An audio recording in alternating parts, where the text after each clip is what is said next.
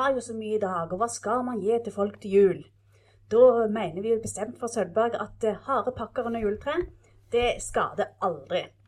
Så i dag så er det et knippe av eh, litteraturformidlerne på Sølvberget som gir eh, tips til hva man kan gi i julegave til ulike typer mennesker og ulike aldersgrupper. Så her skal dere få noen gode tips. Da gir jeg bare ordet videre til Aud Jorunn Aano, som er første kvinne ut. Velkommen. Takk, takk, takk.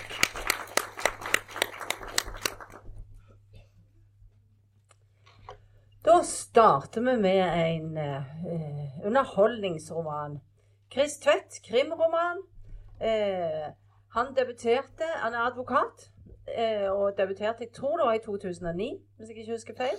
Innførte da en av de forsofne, menn men med store, gode hjerter, eh, advokatene og, og uh, privatdetektiv, eh, Mikael Brenne. Eh, Mikael Brenne bor i Bergen og uh, har et ja, litt traurig, litt ensomt, litt eh, mye vin og litt mange kvinner, sånn som veldig mange av disse eh, hovedpersonene har det. Men Mikael Brenne er en veldig snill mann. Han er veldig opptatt av de små og de svake i samfunnet. Det går jo òg igjen i veldig mange av de kriminallitteratur, mange av, av heltene i kriminallitteraturen. Men Michael Brenne syns jeg er en av de mest sympatiske. Eh, I denne boka så er vi i Bergen, og eh, Chris Tvedt står nesten, kommer nesten ut av skapet som den nye Bergen, store bergensforfatteren. Jeg tror han kommer til å bli eh, Gå Gunnar Staalesen og Varg Veum en stor En høy gang, heter det, ikke en stor gang. Eh, jeg skal ikke si noen ting om innholdet. Det er en helt tradisjonell krim, men den er godt fortalt. Eh, og han har noen ganske frekke og litt morsomme stikk til Stavanger. Han er ikke spesielt glad i Stavanger. Stavanger er iskald, bare opptatt av penger. Og så i tillegg så har han altså et helt feil bibelsitat, og det elsker jeg når jeg finner feil i bøkene. Eh, han skal vise at eh, Han skal beskrive eh, en åpenbaring for en av disse som, som Michael Brenne skal, skal, forsvare i retten. Og så skriver han at det var som eh, Paulus på vei til Damaskus når han møtte den brennende busken. Å, ja takk, der var det mange som lo. Det var godt. For jeg måtte faktisk høre med min mann teologen om det stemmer. Dette. Det var jo ikke noen brennende busk på vei. Det var jo i Gamle testamentet og Moses. Ja, det var det. Så Chris Tvedt han kommer til bokpraten en eller annen gang i løpet av våren. Jeg husker ikke datoen, men da gleder jeg meg til å si det. At der hadde du en faktafeil. Der var det en konsulent som, som gjorde noe som ikke burde. Som burde ha lest den. Men, men, men han, er, han er verdt å lese.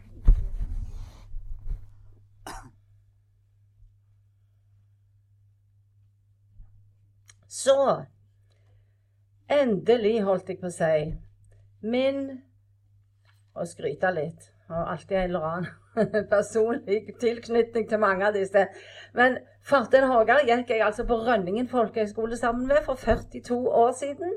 Og siden det har han prøvd å bli forfatter. Han er for så vidt forfatter, for han har gitt ut veldig mange bøker.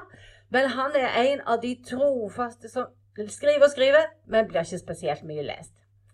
Men nå har han altså en avtale med Aschehoug forlag om en serie på fire bøker om øh, Johannes på, fra 1600-tallet, og om Norges involvering i slavehandelen på de vestindiske øyene. Veldig interessant. Og i går i Adresseavisa så var Anne B. Ragde, hun har dere hørt om, selvfølgelig. Hun ble spurt om hvilke bøker hun ville gi vekk til jul, og dette var nummer én på hennes liste. Så nå er farten Hågar i siget. Eh, det starter med at Johannes eh, på en meget resolutt måte blir kvitt sin voldelige far. Han slår han i hjel. Og så stikker han av fra en sykelig mor og eh, et elendig liv på nordvestkysten. Og så får han hyre om bord i en båt og drar da til de vestindiske øyer, og blir vitne til og en del av slavehandelen der. Dette er som sagt bind én. En, starten på en, noe som kan bli en episk fortelling. Det, det, dette her kan bli veldig bra. Jeg må innrømme at jeg syns noe av det var litt langdrygt. Kanskje han har gjort så bra forskningsarbeid at, at det blir litt vel mye detaljer. Men det kan komme seg i bind to og bind tre. Jeg skal iallfall lese de videre. Så det er kjekt å anbefale Fartin Horgas bok 'Paradisets elendige' som en hard pakke. Så hjertet er en som jeger. Til min store, store glede så ble denne nettopp gitt ut om igjen, oversatt om igjen. Denne ble skrevet i 1950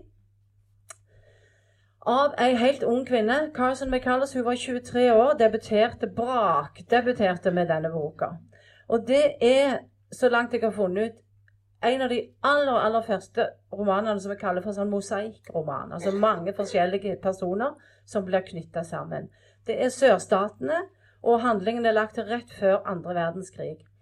Og det er en helt aldeles nydelig skildring av de marginale blant oss.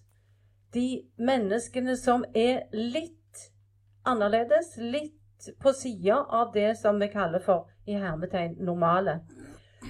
Eh, dette er altså sørstatene, og det er rasemotsetninger, det er familiekonflikter, det er eh, vold, det er kjærlighet, men det er først og fremst varme og vennskap. Hovedpersonene, eller han som alle knytter seg til, er døvstum. Kan ikke snakke og kan ikke høre. Men av en eller annen grunn så er han til stede i veldig mange av de andres liv. En svart lege, en uh, selverklært marxist som er relativt ustabil, ei helt ung jente, 14 år gammel, såkalt white trash-familie, som drømmer om å bli musiker, men må ta seg av sine hauger på hauger med småsøsken og ei sykelig mor. Det er et på en måte trist, og samtidig skildre med så mye varme og så mye omsorg og så mye kjærlighet. Størst av alt er kjærligheten. Dette er helt fabelaktig. Og eh, det samme, den har jeg ikke med, men for flere år siden, så når, vi hadde det samme, så snakket jeg om ei bok som heter 'Med livet foran seg' av Emil Ayar. Som jeg òg leste. Denne leste vi på bibliotekskolen så lenge som det. Og Emil Ayar leste vi òg på bibliotekskolen. Og da sa jeg at det òg er ei bok som jeg opplevde som en eksplosjon av kjærlighet. Det er ei utlevd gåen eh, prostituert, altså horemamma, som jeg kalte, kalte de for på den tida, som ikke kan selge seg sjøl lenger. Så hun jobber som dagmamma for alle andre prostituertes barn. Det høres ikke spesielt lystelig ut, men det er en av de vakreste, varmeste kjærlighetsbøkene og skildringene jeg har lest noen gang. Eh, og den, når jeg snakket om den, så kom den i ny utgave samtidig, året etterpå, så det var jeg veldig fornøyd med. Og helt til slutt, bare asfalt, den har dere helt sikkert kjøpt. Og hvis dere ikke har kjøpt den, så gjør det for det første, så er det selvfølgelig til en god sak. For det andre så er det helt utrolig gode oppskrifter. Jeg har prøvd to av de. Det ene er høstsuppe med kjøttdeig, og den andre er mandelpotetsuppe. Og det var òg kjent. Det var ikke så vanskelig, for jeg er ingen god kokk, men det var ikke så vanskelig. Så kjøp den til dere sjøl eller til harepakker under juletreet. Da er neste Kvinne ut. Siv. That's me. Så må jeg prøve meg frem nå, da. Det ikke. Der. Eh, jeg jobber som barne- og ungdomsbibliotekar. Og så tenkte jeg det at uh, dere som sitter i salen i dag, dere kommer sikkert til å være besteforeldre, tanter, onkler, oldeforeldre. Dere vil ha tips til hva dere skal kjøpe til barna til jul. Og den boka her, den er altså Da jeg fant den, så ble jeg bare forelska, rett og slett. Alle de som har kjent en uh, liten, stygg hund i sitt liv, eller som ønsker seg hund, eller som kjenner noen som ønsker seg hund, dere må Om dere ikke har noen å kjøpe den til, så kan dere kjøpe den til dere sjøl. Den er så søt. Eh, Den, eh, den heter Fred, den hunden der, og han er egentlig veldig Han er liten og dum, og han hører ikke etter, og han stikker av. og De voksne hjemme de syns egentlig ikke at han er så veldig mye å ha. Så det er jo en veldig skummel historie, da, fordi at eh, han rømmer sin vei, og det kommer en stor, farlig bil og holder på å kjøre på han, men så går det godt til slutt. Eh, jeg er farmor til to hunder, så det er kanskje litt derfor. ja. Den boka der, den er rett og slett bare en nytelse. Jeg glemte forresten å si om den i sted. da Han som skrev, har skrevet den eh, hundeboka, han heter Mick Impen. Det er han som har skrevet om Kipper. Han har holdt på i mange, mange år og skrevet. Eh, Vår fargerike dyreverden. Du kan bruke den på to måter. Du kan eh, lære fargene, eller du kan lære masse rare dyr som heter merkelige ting som du aldri har hørt om før i hele ditt liv. Så du kan ha det til de små, de som er sånn to, tre, fire. Og du kan ha det til de som syns det er sånn små forskere som syns det er morsomt med rare dyr. Mm, og begge jeg har, jeg har et barnebarn som er ett år, og han er altfor liten til begge de to bøkene. Men jeg skal kjøpe dem, så skal de ligge hos meg. For jeg er veldig redd for at den skal gå ut av produksjon, sånn at jeg ikke skal kunne ha dem den gangen jeg vil vise dem frem til ham. Um, og så er det sikkert noen av dere som har, eh, har noen som holder på og skal lære seg å lese. Det finnes en dame som heter Helena Bross, og hun er en hel liten skrivefabrikk i seg sjøl. Det som er så fantastisk med hun, det er det at uansett hva hun skriver av lettleste bøker, så er det bra. Altså, de av dere som har prøvd dere på lettlest, dere vet at det kan veldig fort bli gørrkjedelig. Og det kan veldig fort bli sånn at forfatteren bruker for vanskelige ord for ungene, men hun er helt topp.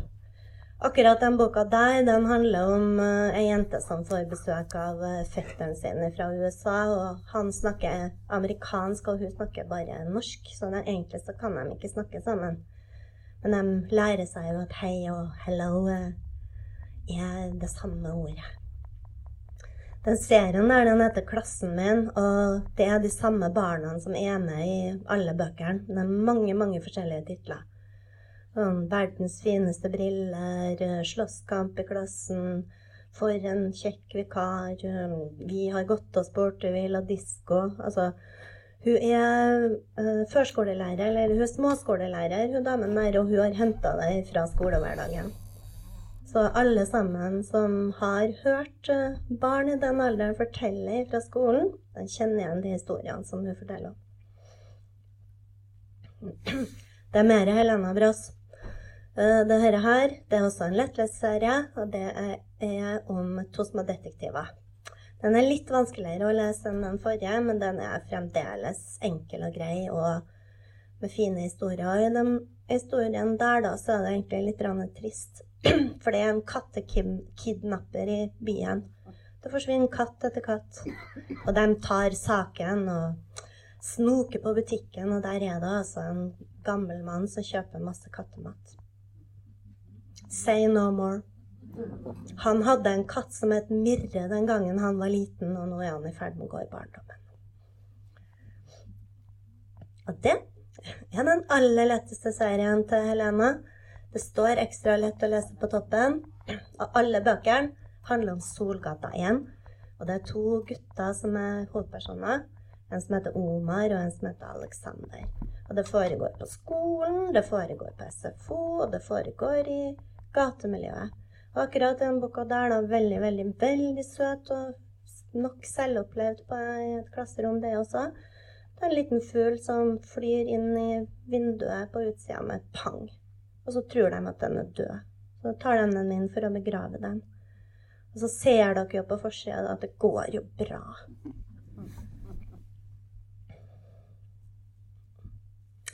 Og så har alle voksne har hørt om Jørn Horst. Det har altså alle ungene også, for han skriver to serier for barn. Det der er for de minste, for sånn fem, seks, syv, åtte, ni oppover. Og det handler om detektivbyrå nummer to.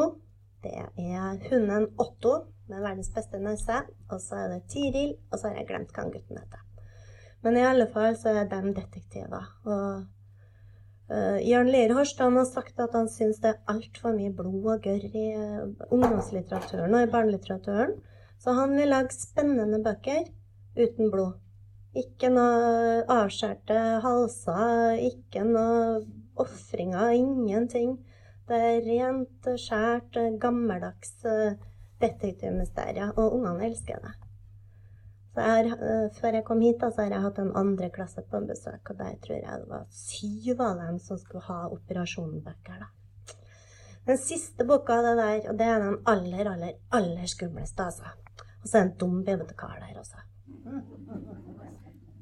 En med støv på bøkene, som koster støv av dem med støvkost. Og så har han en katt som sitter oppå bøkene. Vi gjør ikke det her hos oss. Yes. Det er også en serie. Nei, Jeg tenkte at jeg kunne snakke om serier for dere. Det der er starten på en serie.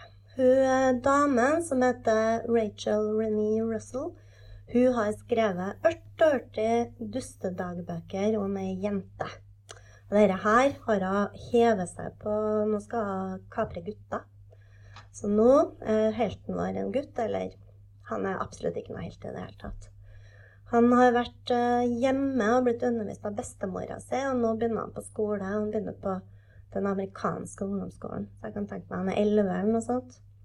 Og han tør ikke å fortelle hjemme at han blir mobba på skolen, for han er livredd for at hun tar dem hjem igjen, og så må han bli undervist hjemme igjen. Og så har han astma. Og så er det en som plager han, så stenger han inn i et skap hele tida. Og, så er det morsomt, tross for at det er en mobbehistorie. Uh, ja. Det jeg tenkte jeg skulle si til dere, da, det er jo det at bøker er veldig personlige. Altså, dere må spørre ungene hva de ønsker seg. Og ikke kjøp Elsa Beskow. De ønsker seg ikke det. Selv om dere syns det var kjempehyggelig med Elsa Beskow, så er det ikke sikkert at, eh, at ungene syns det. Jeg prøvde å tvinge mine unger til å lese Anne-Kat. Vestli, fordi jeg syntes hun var så hyggelig da jeg var lita. Og det var liksom Å, mamma, er du ferdig snart? Så det jeg lærte av det, da Spør hva de vil lese. Så hvis dere ikke har fått noen gode tips i dag, så er tipset mitt at dere pakker inn en gavelapp, og så sier dere at vi skal gå på biblioteket, og så skal dere plukke ut bøker, og så skal jeg lese dem høyt for dere når vi kommer hjem. Hva da? Er det vel nestemann? Er det ikke det?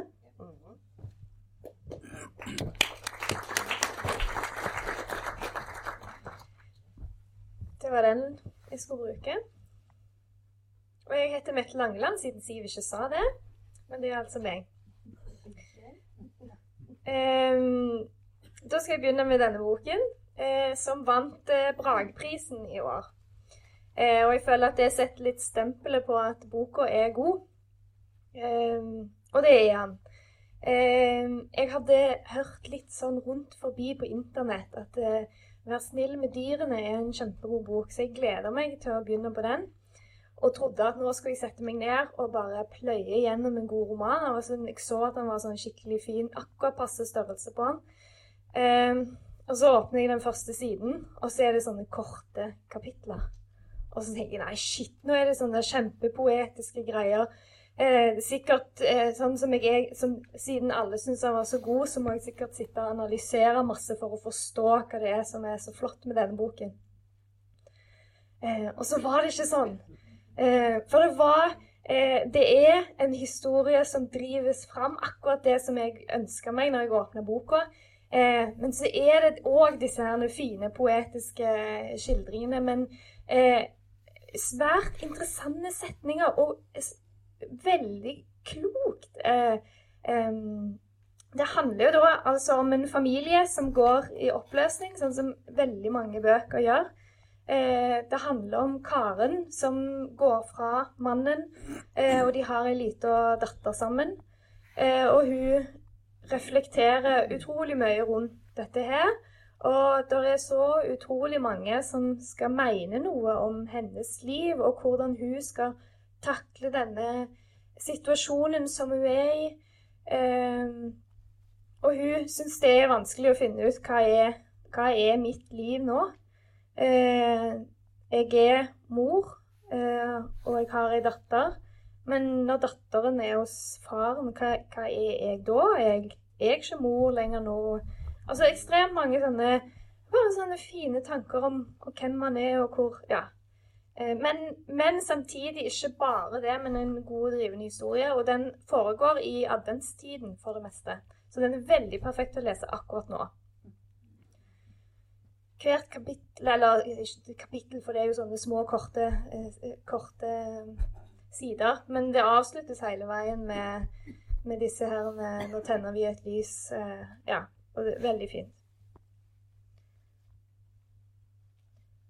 60 eh, damer du skulle ha møtt. Eh, er bare kjempebegeistra for. Jeg har ikke lest den ut ennå, fordi jeg må eh, Jeg prøver å dra den ut så mye jeg kan. Jeg leser bare bitte litt om gangen. Men det handler jo da om 60 forskjellige damer som vi blir introdusert for, og det er jo disse her kvinneforkjempere og fantastiske damer som har gjort utrolig mye eh, i vårt land. Eh, den er eh, Jeg trodde jo at jeg hadde hørt om mange av disse damene, men det har jeg ikke. Eh, jeg har hørt om Amalie Skram og Camilla Collett, og, eh, men det var utrolig mange som jeg ikke har hørt om, og som jeg syns er utrolig kjekt å bli eh, introdusert for. En av mine favoritter er da L. Åsa Helgesen. Har dere hørt om hun? Hun var da den aller første ordføreren i Norge. Eh, kvinne. Kvinnelige ordføreren, selvfølgelig. Eh, og den kvinnelige første ordføreren i, i, faktisk i Europa. Og det var da på Utsira i 1926. Eh, hun var ordfører i to år. Eh, og på de to årene så snudde hun den økonomiske nedgangen og gjorde utrolig mye bra. Eh, før da mannen overtok etter to år. Eh, og hun ble bare stemt inn med en feiltakelse. Men heldigvis så fikk hun gjort mye bra, da. Og det er da sånn at eh, du har to sider til hver av disse personene. Og når du, eh, og når du har eh, Så det er tegneserie, da. Eh, veldig fine tegninger. Eh, og så Når du da er ferdig med en person på to sider, det er jo ganske smalt for å få fram alt det disse damene har gjort, så sitter man jo igjen og ønsker mer. Og da bare går man på biblioteket og låner, låner en ny bok eller en biografi om noen av disse damene, eller, eller noe sånt. Eh, så det er en veldig fin introduksjon til, til mange, eh, mange flotte kvinner. Ja, nå må jeg finne noe mer som jeg syns var veldig interessant. Eh, for det sto òg at eh, For det er jo, problemet er jo at kvinnene er jo ikke i historien. De har jo gjort masse bra, men det er jo ingen som skriver om dem. Eh, og så så sto det her, da Undersøkelsen viste også at i mange skolebøker er det nevnt flere nazister enn kvinner. Og det er jo ganske trist, da. Så jeg håper jo at dette kan gjøre litt med det. Og så har vi denne boken som heter Åg, av Veronica Salinas. Eh, den handler om ei jente som, eh, som, kommer til Norge fra Argentina. Hun drar fra økonomisk uro og kanskje bo der lenger. Eh, og kommer hit til Norge som au pair. Eh, og historien er om hvordan hun tilpasser seg i det norske samfunnet. Eh, og hvordan hun lærer seg norsk. Og Boka er skrevet i et veldig enkelt språk, så det er mulig for de som da ikke er, sånn, er veldig gode i norsk, til å lese den. Eh, men for oss som er det, så er det en veldig fin eh, bok med litt sånn Den er morsom, for han har liksom et sånn skråblikk på språket vårt. Det er, del, det er jo en del rare ting i dette språket, og, og, og ja, som, som da kommer fram her. Eh, og så er det òg et skråblikk på kulturen vår. Eh, og det er skrevet ganske morsomt, men samtidig så er boka mest sår over det å, og da prøve å komme seg inn i et annet samfunn og savne det som du kommer fra. Du vil hjem, men du vet at det, du vil jo ikke hjem, for det var jo en grunn til at du dro. Eh, ja, en veldig velskreven bok og veldig ja, ja, noe som alle kan lese, da. For han er på et veldig enkelt nivå. Jeg tror det var det jeg skulle si. Da er det Thomas Gustavsen sin tur. Eller Svenske-Thomas, som jeg kaller han. Han er svensk. Takk. Og jeg er skikkelig nervøs. Håper det går bra. Skal vi se.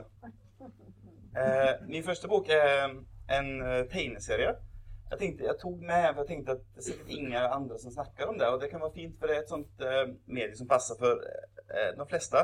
Jeg har egentlig ganske nyss begynt å lese tegneserier. Jeg har liksom jeg sluttet å lese tegneserier da jeg var 13, leste Tintin, og nå er det en helt, en helt ny verden. Det her er som et eh, science fiction-eventyr. Det er fantastisk vakker eh, kunst. Og um, fortellingen er sånn kort at uh, uh, Han her, det er en uh, liten robot som er skapt for å være lekekamerater til um, menneskebarn som bor på fjerne planeter, der de, eh, gruvesamfunn og sånn. Og så eh, plutselig så starter et eh, stort intergalaktisk krig, og så blir han skilt fra sin, sitt menneske da. Eh, og så handler det om eh, hvordan han er ute og leter etter sitt menneske. Og den er så fin. Det er litt som en blanding mellom eh, den, den, lille prinsen, den her eh, franske, og Terminator. så det er veldig sånn søt og rar og utrolig bra. Skikkelig, En av de beste tegneseriene jeg har lest, tror jeg. Um, og, og, dette er nummer én da. Og den, nå har vi akkurat bestilt nummer tre, og jeg kan bare ikke vente til neste. Uh, for det er så kjekt, syns jeg. Uh, neste bok, uh, det er min favorittforfatter. Og jeg vet fortsatt ikke om man sier hans navn.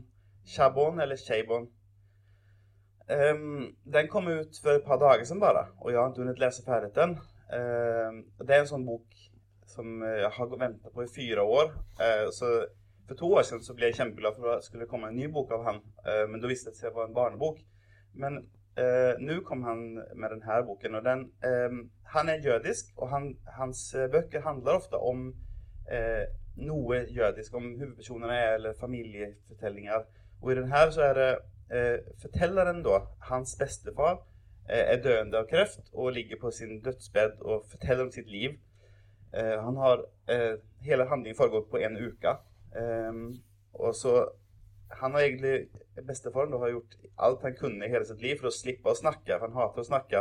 Og så plutselig så, så det, finnes det ingen ende på det. Forteller han om sin fru, da, altså fortellerens eh, bestemor, som rømte fra Eller hun eh, levde igjennom konsentrasjonsleir under andre verdenskrigen og kom til USA. Og de problemene hun har med det. Og eh, et eventyr han bestefaren er en slags romfartsingeniør. og mye eventyr. Han bygde en modell over en, over en uh, månebase. Utrolig fin hittil. Jeg, jeg, kan love at den er like bra som hans andre bøker. Og så en bok til som jeg ikke er helt ferdig med. Uh, skal jeg trykke fram. Det er The Sellout av Paul Beatty. Og det er Den vant Booker-prisen forrige uken eller to uker siden. Eller noe sånt. Eh, så jeg følte jeg måtte lese det. Men så var det litt ventelista, så jeg fikk den ikke tid til å lese ferdig. Den også er sånn veldig morsom og veldig trist. Eh, det handler om raserelasjoner i USA. Den foregår eh, in, ikke identifisert tid, men det er vel nutid cirka.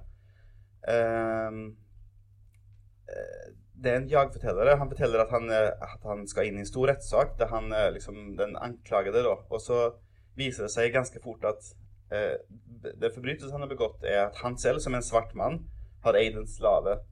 Og det er veldig absurd og veldig morsomt og helt forferdelig eh, samtidig. På alle, allting samtidig. Um, min siste bok er den her. Han er eh, nobelpristaker. Å ja, just det. Jeg glemte å si, men her, han har vunnet Pulitzer. Ikke for denne boken, men for et par bøker siden. Så Eh, skikkelig bra kvalitet. Eh, Modiano er også en sånn Om du eh, har lyst til å si at du har lest nobelprislitteratur, så er dette en veldig enkel måte å gjøre det på. Den, de er veldig korte. Denne boken er 111 sider. Eh, den er veldig, veldig, veldig fin. Eh, jeg har lest den her og en bok som heter 'Ungdomstid'. Begge to er veldig fine. Har en sånn eh, dvelende, mystisk stemning som jeg liker så godt. Jeg visste ikke at jeg likte sånne bøker, men det gjør jeg. Eh, det er eh, Jeg sier ikke så mye om handlingen, for det føles som at det er mer eh, stemningen som, som har noe å si. Det er tre forskjellige tidslinjer i boken, selv om det bare er så kort. Og det kan være bitte litt forvirrende, men den, den er skikkelig bra, syns jeg. Um, jeg er egentlig ferdig. Det er vel uh, Åsen, tror jeg.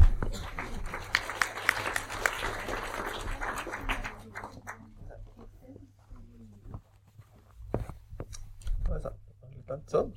Ja. Eh, klisjeen om menn og lesning det er at for det første at menn leser bare bøker av andre menn. Og menn leser bare sakprosa. Så nå skal jeg ha tre sakprosabøker skrevet av menn. Eh, den her, eh, Henry Marsh satt på scenen her på Kapittelfestivalen i år. Um, den boka her bør dere gi til uh, familiens sureste, kanskje. Uh, den, den mest utakknemlige familien bør få den her. Um, Eh, sakprosa har jo den regelen, i hvert fall for min del, at eh, hvis du skriver noe veldig dramatisk, så trenger du ikke å være så eh, hard på labben med virkemidlene.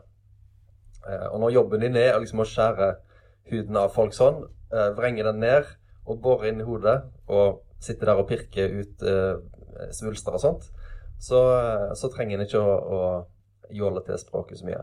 Det, det som imponerer mest her, er for min del at han eh, han klarer å beskrive veldig bra den spenningen han står i mellom det å skulle redde liv og det å innse at det ikke alltid går bra.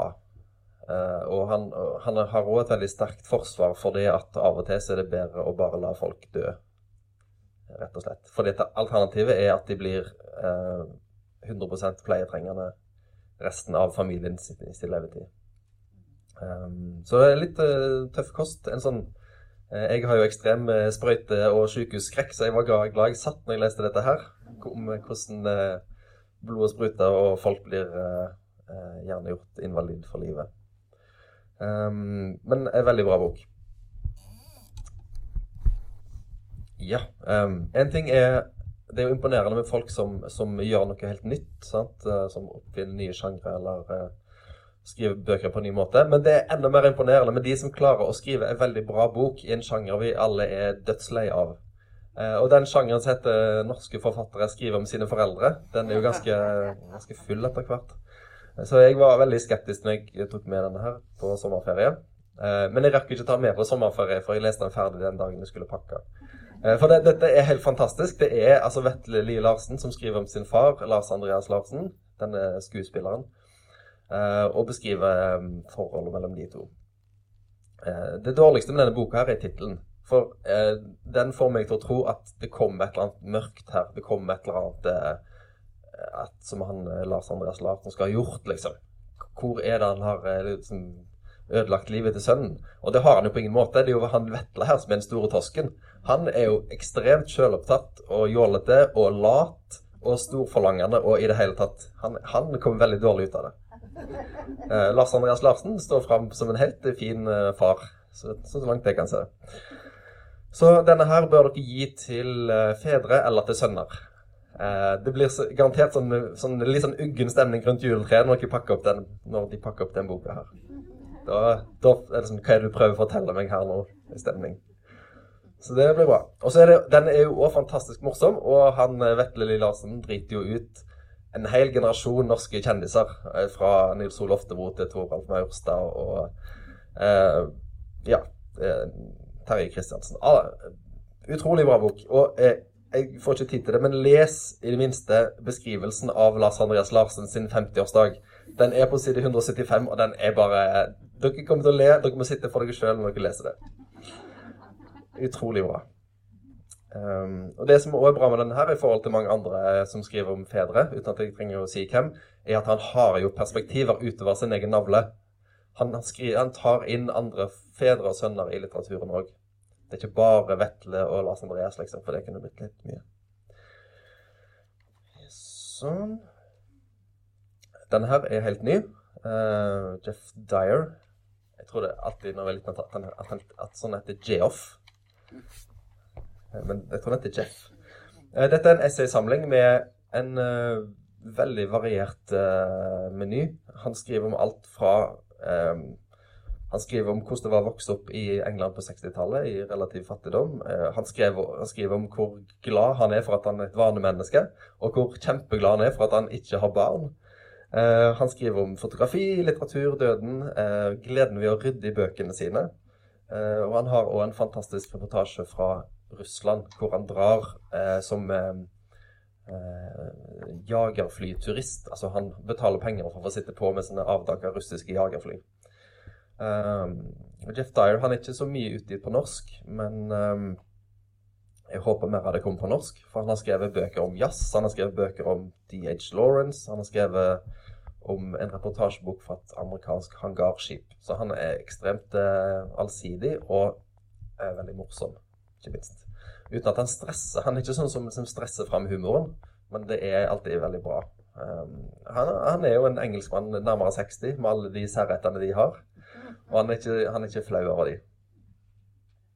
Uh, så denne, hvem skal du gi den til? Gi den til de som uh, har bredt interessefelt, og som egentlig ikke har tid å lese, eller som holder på å styre med andre ting. Uh, for denne kan leses til korte glimt. Veldig fin på tog og sånne ting. Ja, jeg tar med den òg. Det er jo en roman Uh, det er en moderne norsk klassiker av Lars Mytting. Det er debuten hans. Mange har sikkert lest uh, enten Den hel ved eller uh, Svømme dem som drukner. Dette her er jo mye mer lavskala. Det er jo en slags moderne cowboyhistorie, vil jeg sagt. Om en sånn ensom, rettferdig jeger som ikke har hest, men som driver bensinstasjon. Og som står i veien for det moderne framskrittet. Han, han har veldig sterke prinsipper. Han han selger ikke pølser på bensinstasjonen sin, for det er ikke hans jobb. Og han nekter folk å kjøpe skiftenøkler, for de ødelegger mutterne på bilene. Og de kommer ut til han og må få, få de skrudd til slutt likevel. Så, og det her er, det er en kamp mot uh, moderniteten, kan du si. En, og samtidig så har han selvfølgelig masse spøkelser fra fortida som kommer inn, henter han, og så føler han seg veldig pressa til slutt. Og så til slutt rir han ut i solnedgangen på en stor amerikansk uh, bil. Så det er underholdende, men det er ikke latterliggjørende overfor bygdemiljø. bygdemiljøet. Og det, den er skrevet på en sånn måte at du får liksom lyst til å gå ut og sjekke oljenivået i bilen, og får lyst til å ta bilen på en ekstra EU-kontroll. og Kanskje google Finn eh, for å se om det er noen eh, billige, store amerikanske biler til salgs i nærheten. Selv om du er medlem i Miljøpartiet De Grønne, så vil du få litt sånn lyst til å børne litt når du har lest den her. Så hvis alle som så 'Burning 1 og 2' på kino, hadde lest den istedenfor, så hadde vi vært på rett vei. Um, Linn, skal du ta oss i mål?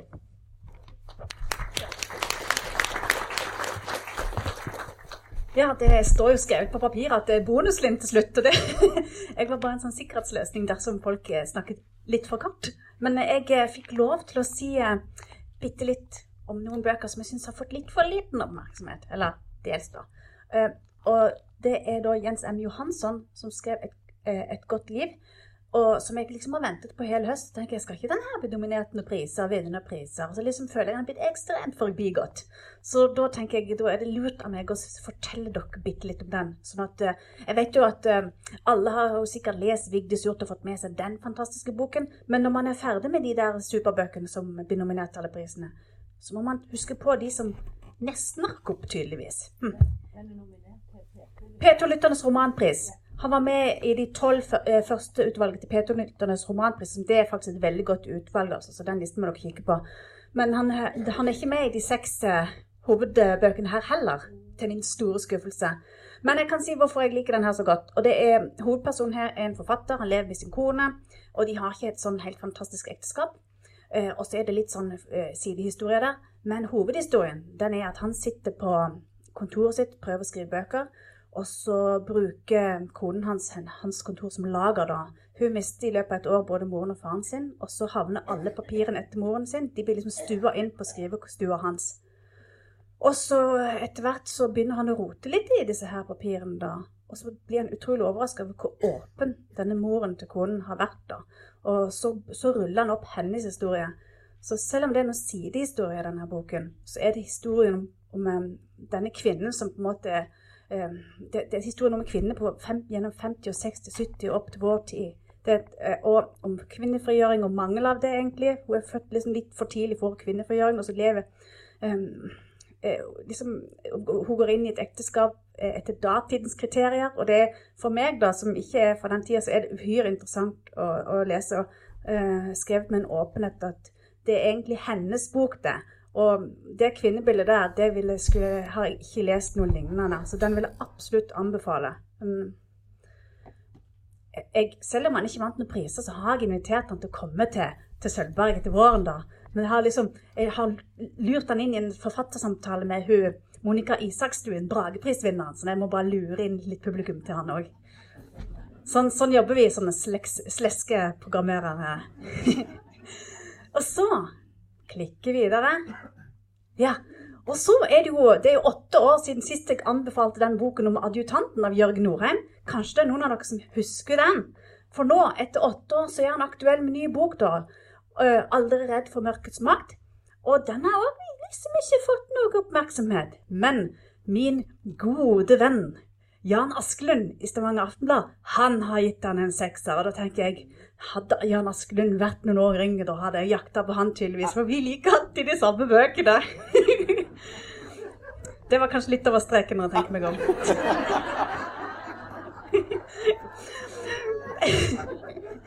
Eh, men her er det da òg en sånn brei slektshistorie som blir rulla opp. og eh, hovedhistorien her er jo en bestefar som Nei, en, en far som drar til eh, eh Som verver seg til eh, Russland i 1929 for å være med og bygge opp Sovjetistan. Han er skikkelig kommunist og idealist. Han er ingeniør, og det er de i sterk mangel av. Eh, og så forsvinner han inn i en av Stalins mange fangeleirer. Og så er det jo det her at han har jo ikke gjort noe gale, men han forsvinner inn i et system som så veldig mange andre gjør. Uh, og jeg har egentlig ikke kommet så nær på noen historier som jeg gjør her. Da. Så det er den, sånn, den der, disse forferdelige måten du blir overstyrt på av et system som ikke funker. Men det er bare helt utrolig bra uh, skissert opp her. Samtidig så klarer han jo også dette er, Denne historien går gjennom flere generasjoner. Du, uh, du følger en familie, da. Så sønnesønnen, da de, de prøver alltid å finne igjen denne bestefaren lete opp følge spor, da. Um, og så får du òg da nå, Vanskelig å forklare dette her, da. Men poenget mitt er at du prøver Du får skissert opp hva, hva som skjedde med, eh, i, på, med sånn AKP-ML-bevegelsen, når disse ulike fraksjonene ble uenige og det splitta seg opp til SV og sånt. Noe. Det blir òg skildra på en veldig fin måte. Noe som i utgangspunktet kanskje ikke er sånn den beste måten å selge inn en roman på. Men, men det blir veldig det blir godt skildra. For, for, meg som ikke har vært med på den tida, så skjønte jeg liksom plutselig hvorfor, hvorfor, det ble som det ble. da. Og det er masse sånne eh, Hvis dere kjenner historien, så vil dere kjenne igjen mange personer fra den bevegelsen som jeg sannsynligvis ikke kjenner igjen, men eh, andre vil gjøre det. Eh, men det er veldig godt komponert, kjempegodt språk, og det er en veldig god roman. Og han eh, Ja, hvis han heller ikke vinner en pris, så får vi lure han inn til kapittel. For der er jo temaet revolusjon som passer veldig bra. Så, så, jeg er sikker på at dere vil like han. Og så hvis dere ikke husker at dere har lest den adjutanten, så kan dere lese den en gang til, for den var òg helt fantastisk. Og så den store overraskelsen. Dette er så langt vekk fra min komfortsone som jeg egentlig kan komme. Men jeg skal faktisk ta dette mystiske vesenet som vokser fram, litt i forsvar. Sofie Elise er jo sånn superblogger. og bruke sitt utseende og fylle på med silikon og ja, forferdelige greier. Men hun har skrevet en bok, en slags selvbiografi, da, eller, men det er egentlig en oppvekstroman. Og hun er jo veldig ung, hun er ennå ikke ferdig, og hun, hun, lærer. Og det blir spennende å følge henne videre. For nå skjønner hun det at hun kan bruke denne makten sin til å gjøre gode ting òg. Samtidig som hun tjener penger. Så det er litt sånn. Men hvis dere vil skjønne litt av det umenneskelige presset unge jenter spesielt lever under i dette samfunnet her, vi er bombardert av bilder av rollemeddeler som ingen kan leve opp til, så, så, er det faktisk ganske interessant å lese denne eh, mørke oppveksthistorien der hun vokste opp på en øde landevei i Harstad og ser verden gå forbi seg og drømmer om et annet liv. Og, og eh, jeg syns faktisk den er ganske bra. Det må jeg si. Så den kan dere gi i gave. Eh, dere kan lese den sjøl for å smugkikke inn i denne mystiske verden, eller gi den til en, en 14-15-16-åringer, eller de har kanskje allerede kjøpt den. Men det er interessant, og det er Den er ganske mørk. Så Se der. Jeg rødmer litt når jeg står foran dette bildet, men det får bare unnskylde meg. Men sånn er det. Men eh, det var egentlig det vi hadde. Jeg tror egentlig Se der. Nå var det slutt for i år.